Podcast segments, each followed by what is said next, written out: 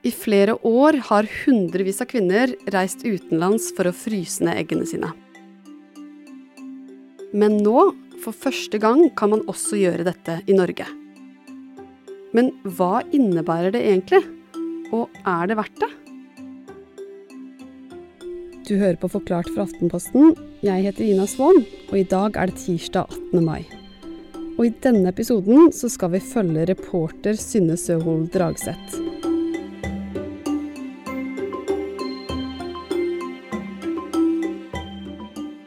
Jeg har møtt en dame som heter Helene. Hun er 35 år og singel, og nå har hun tenkt litt på dette her med å fryse ned egg.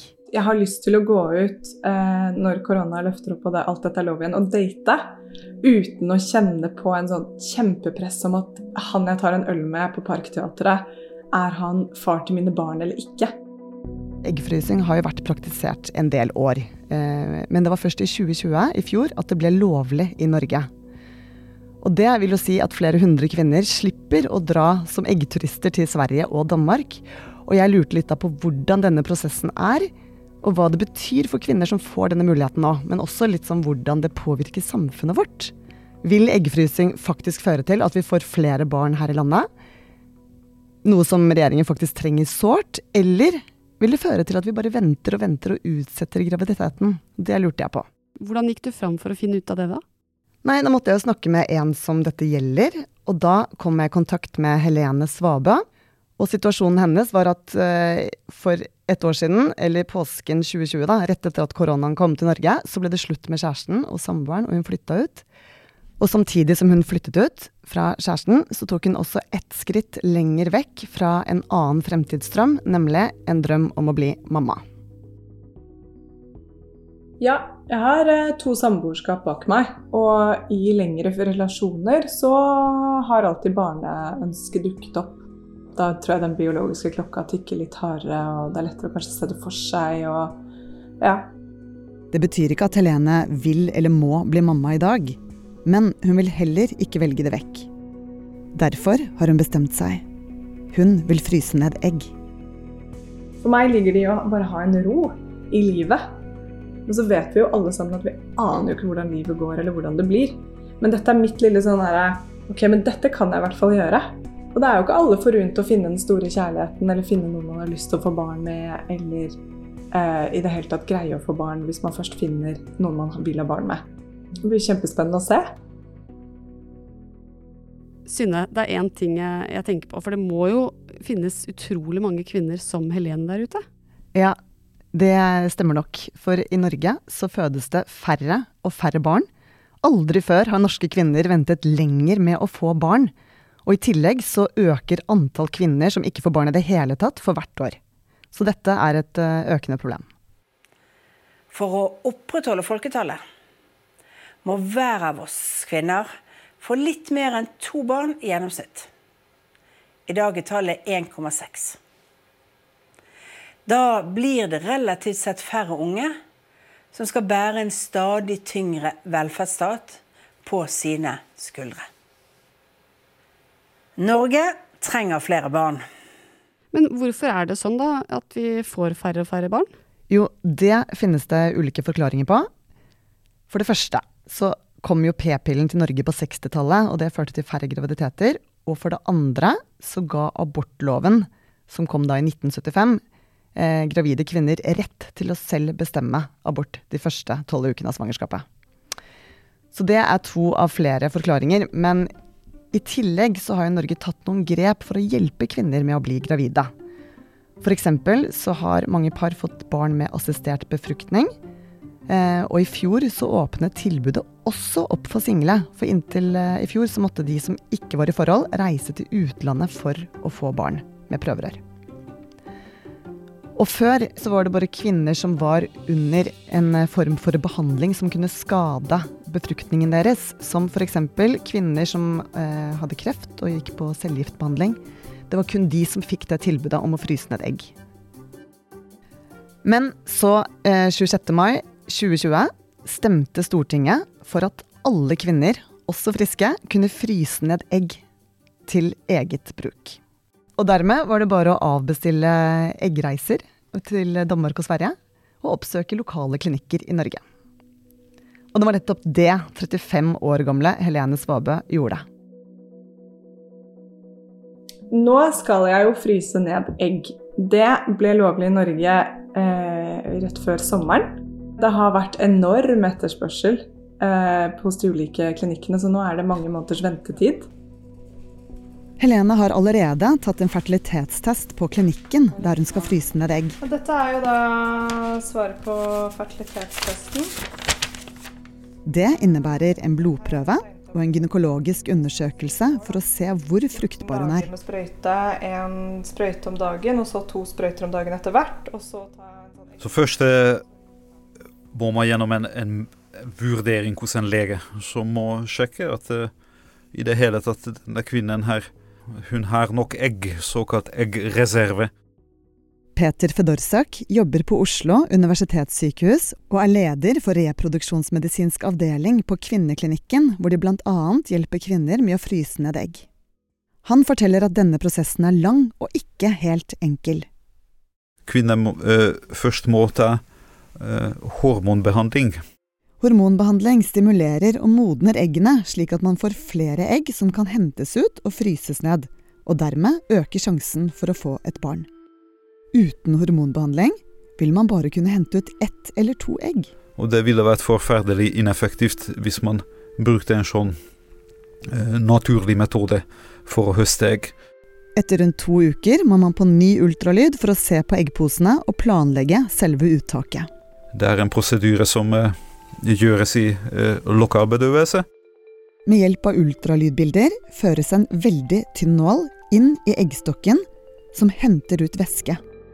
Og underveis i inngrepet blir denne væsken umiddelbart undersøkt på et laboratorie for å se om den inneholder egg. Og eh, disse eggcellene må da senere bearbeides eh, innen eh, kort tid for å frosset ned. For selve nedfrysningen er en helt spesiell prosess som går superraskt. Selve fryseprosessen skjer nemlig på under brøkdelen av et millisekund. I løpet av denne korte tiden fryses eggene fra pluss 37 grader ned til eh, minus 196 grader, som er temperaturen av flytende nitrogen. Disse eggene der oppbevares i store frysetanker, eh, i eh, trygge beholdere som eh, entydig merker hvem egg tilhører, hører til. Eh, og eh, disse tankene eh, må kjøles ned med flytende nitrogen hele tiden. Men Helene er helt i starten av denne prosessen, og snart skal hun begynne med hormonbehandlingen.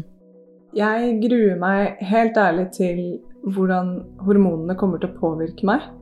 Om jeg blir veldig rollercoaster, premenstruell type tenåringshumør i to uker. Om jeg får noen eh, emosjonelle smeller. Altså, jeg bor jo alene. Men jeg bare Jeg tenker at det er to uker av livet Eh, hvor jeg setter da hormonsprøyter i magen, og så ender opp med å ta en eggløsningssprøyte, og så er det inn etter 48 timer og ta ut disse eggene, og så er jeg ferdig. Og så har jeg gjort meg selv kanskje en kjempetjeneste, eller kanskje bare gitt meg i hvert fall en viss ro og trygghet på at jeg ikke må stresse så innmari. Så på mange måter, Synne, så har vi fått mye større frihet. Men eh, er det egentlig så enkelt at man bare stikker ned på klinikken, fryser ned noen egg og henter de opp noen år senere? Nei, overhodet ikke. Eh, altså, dette her koster. Eh, for Helene så må hun ut med 10 000-15 000 kroner bare for medisiner, altså hormonbehandlingen. Eh, og selve uttaket der de tar ut egg og fryser ned, den koster ca. 30 000 kroner. Og i tillegg så koster det et par tusen kroner bare å ha eggene på ishotell eh, for hvert år. Så til sammen så har jo dette en prislapp på rundt 50 000 kroner, og det er ganske mye. Så Helene hun må faktisk bake dette her inn i boliglånet sitt. Så det er jo ganske stor utgift for eh, en singel kvinne. Men jeg syns jo det er kjipt å tenke på at det er så dyrt fordi det er nok mange andre som kunne hatt eh, glede av dette, men som ikke har råd, rett og slett. da. Og nå er det Helene sin tur. Men hvor stor babygaranti gir egentlig egg på ishotell? Hva får Helene igjen for de 50 000 kronene?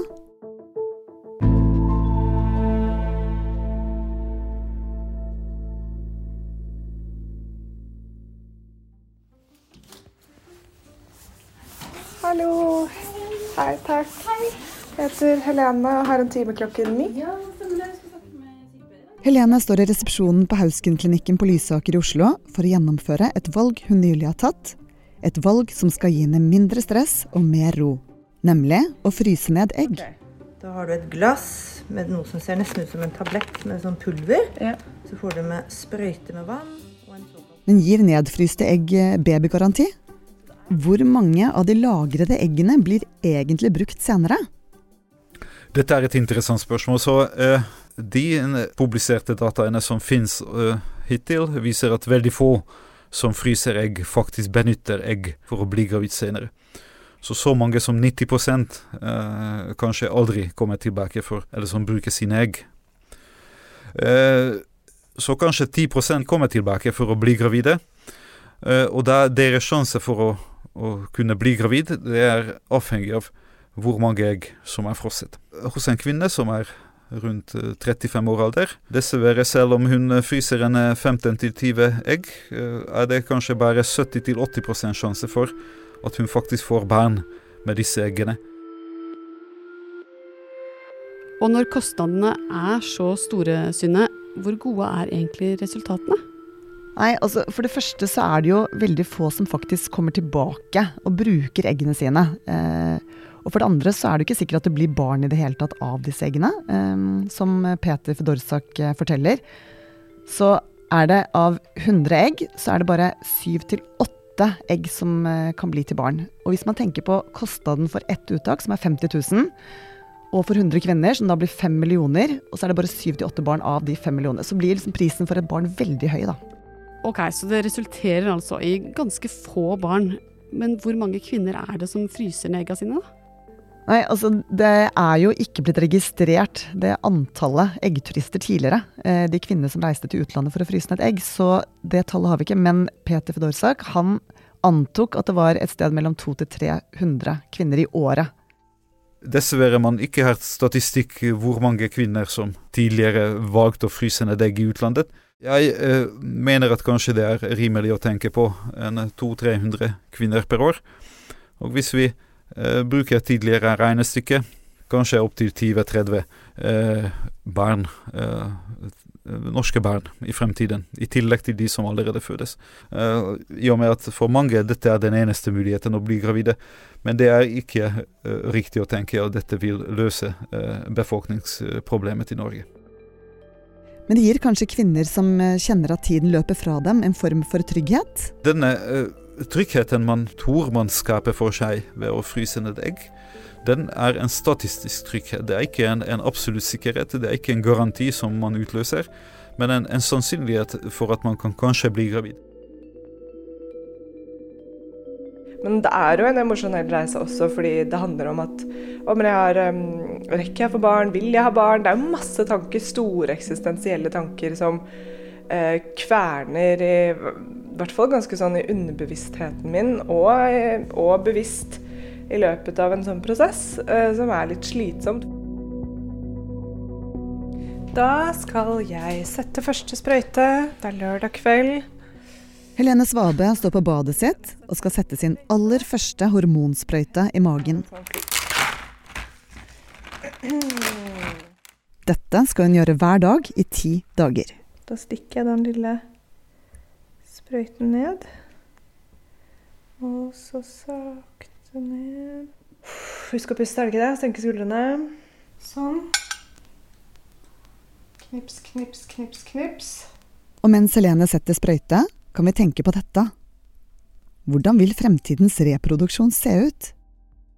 Vil jobben være mer involvert i når det passer å få barn? Eller vil befruktning få en helt annen betydning? Og det får du høre mer om senere denne uken.